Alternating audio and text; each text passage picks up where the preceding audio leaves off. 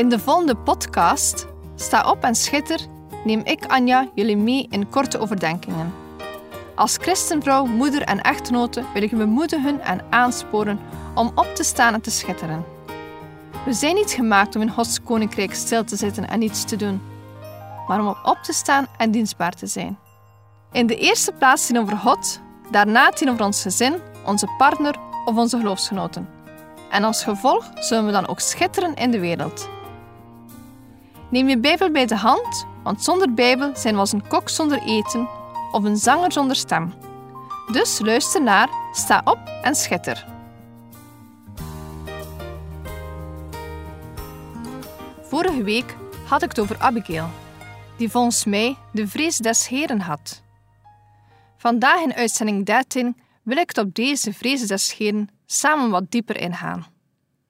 Het is een onderwerp waar weinig aandacht wordt aan besteed. Het komt nogthans ongeveer 24 keer voor in de Bijbel.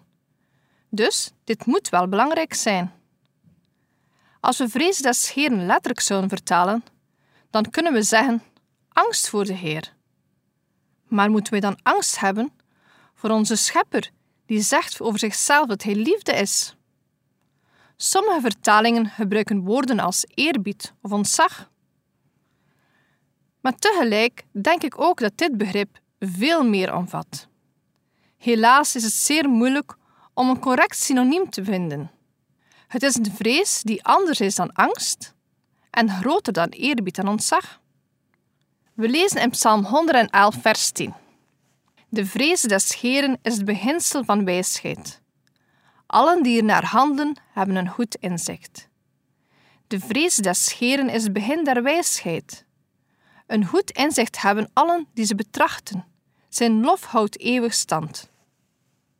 De vrees des Heren is het begin der wijsheid. Echte wijsheid kun je niet loskoppelen van de vrees des Heren. Het is verbonden met elkaar. Veel mensen zien wijsheid meer op intellectueel vlak. Je hersenen gebruiken, een scherp verstand en kennis. Wijsheid is in de wereld een goed diploma op zak hebben. Dat is ook goed. Maar wijsheid in de Bijbel is niet hetzelfde. Een scherp verstand kan namelijk samengaan met kwaad.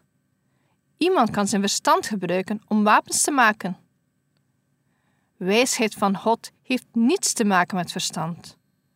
Een ongeschoold persoon in de kerk kan meer wijsheid hebben dan een hooggeschoold iemand. Gods wijsheid is het ontzag voor God houden. Hoe doe je dat? Spreuken 2, vers 1 tot met 5 heeft ons een mooi antwoord hierop. Mijn zoon, als je mijn woorden aanneemt en mijn geboden bij je opbergt, om je oor acht te doen slaan op de wijsheid, als je je hart neigt naar het inzicht, ja, als je roept om het verstand, je stem laat klinken om inzicht, als je het zoekt als zilver, het naspeurt als verborgen schatten, dan zul je de vrezen des Heren begrijpen, de kennis van God vinden. Hier krijgen we een beschrijving van hoe we de vrezen des Heren kunnen begrijpen.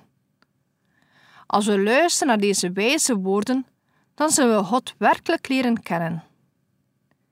Deze versen tonen ons dat we ons moeten inspannen. Eerst moet je God zijn woorden aannemen en zijn geboden tot jezelf nemen. Dit wordt bijvoorbeeld mooi beschreven in de podcast door de Bijbel. Daar wordt gezegd: Je kan het vergelijken met een dame die kostbare juwelen bezit. Ze vindt het heerlijk om die er vaak uit te halen, om ze te bewonderen. Ze geniet ervan om er gewoon maar naar te kijken. Dat is de manier waarop het woord van God opgeborgen hoort te zijn. Als gevolg ga je als tweede punt luisteren en er iets mee doen. In de praktijk betekent dit dat het leven wordt gekenmerkt door respect voor God en het verlangen tot eer van Hem te leven. Het is te vergelijken met de oproep van Mozes in Deuteronomium 6, vers 5. Daar staat: Daarom zult u de Heere uw God lief hebben, met heel uw hart, met heel uw ziel, met heel uw kracht. Het derde punt is actiever. Je moet het zoeken als zilver en naspeuren als verborgen schatten. Ik weet nog goed dat ik als kind op een verjaardagsfeestje was en ik samen met mijn vriendinnen op schattenjacht ging. Een van de ouders had een mooie schattenkaart gemaakt met opdrachten en zo konden we op zoek gaan naar die verborgen schat. Ook de Bijbel is onze schattenkaart die ons naar verborgen schatten brengt. Geen snoep zoals in mijn kindertijd, maar schatten voor eeuwigdurende waarde. Als we al deze punten doen, dan zullen we de vrees des Scheren begrijpen en de wijsheid van God vinden. We zijn geroepen om instrumenten te zijn, door woord en daad. We zijn geroepen om een verschil te maken in de wereld. Ja, schitteren als een diamant, zodat de mensen verlangen naar de schat die wij hebben. Wij vertegenwoordigen God in deze wereld. De vrees des Heren leidt tot een zuiver leven. Een leven zonder zonde.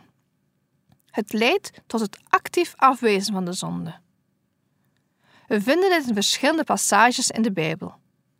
Bijvoorbeeld in Spreuken 8, vers 13 staat er: De vreze des scheren is het kwade te haten, hoogmoed, trots en de verkeerde weg, en een mond vol verderfelijke dingen haat ik.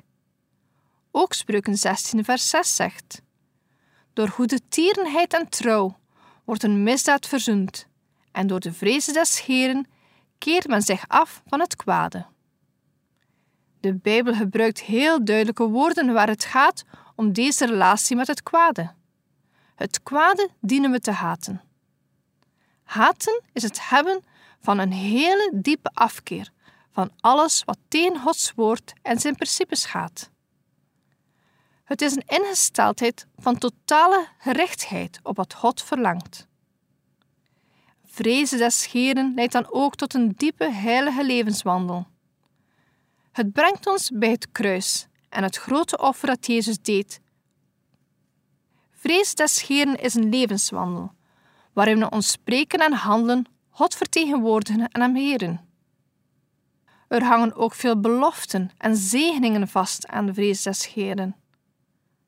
We mogen wijsheid, rust, geluk en redding ontvangen. Hij onderwijst ons op onze weg en we mogen vertrouwelijk omgang hebben met onze God en hem Vader noemen. Het komt erop neer dat we altijd dienen te beseffen hoe groot en machtig God is. Zoals ik in het begin van de studie aangaf, is het vrezen van God niet echt een angst voor God, maar dan ook weer groter dan eerbied en ontzag. Het is een zoektocht naar de juiste balans. Als we alleen maar de liefde en goedheid van God zullen kennen, dat kan dat ons wetloos maken. En als wij alleen de wetten zouden kennen, kan dat ons wettisch maken. Laat er een balans zijn in deze twee dingen. Aan de ene kant is God de machtigste en krachtigste in het universum. Niets is aan hem gelijk. En aan de andere kant is hij een warmhartige, genadige en liefdevolle God. Vrezen des Heren leidt ertoe dat we zullen groeien in de overtuiging om God in alles te willen behagen.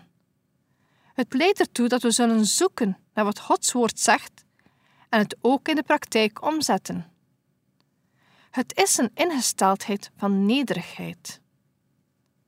In Spreuken 22, vers 4 staat: Het loon van nederigheid, de vrees des scheren, is rijkdom, eer en leven.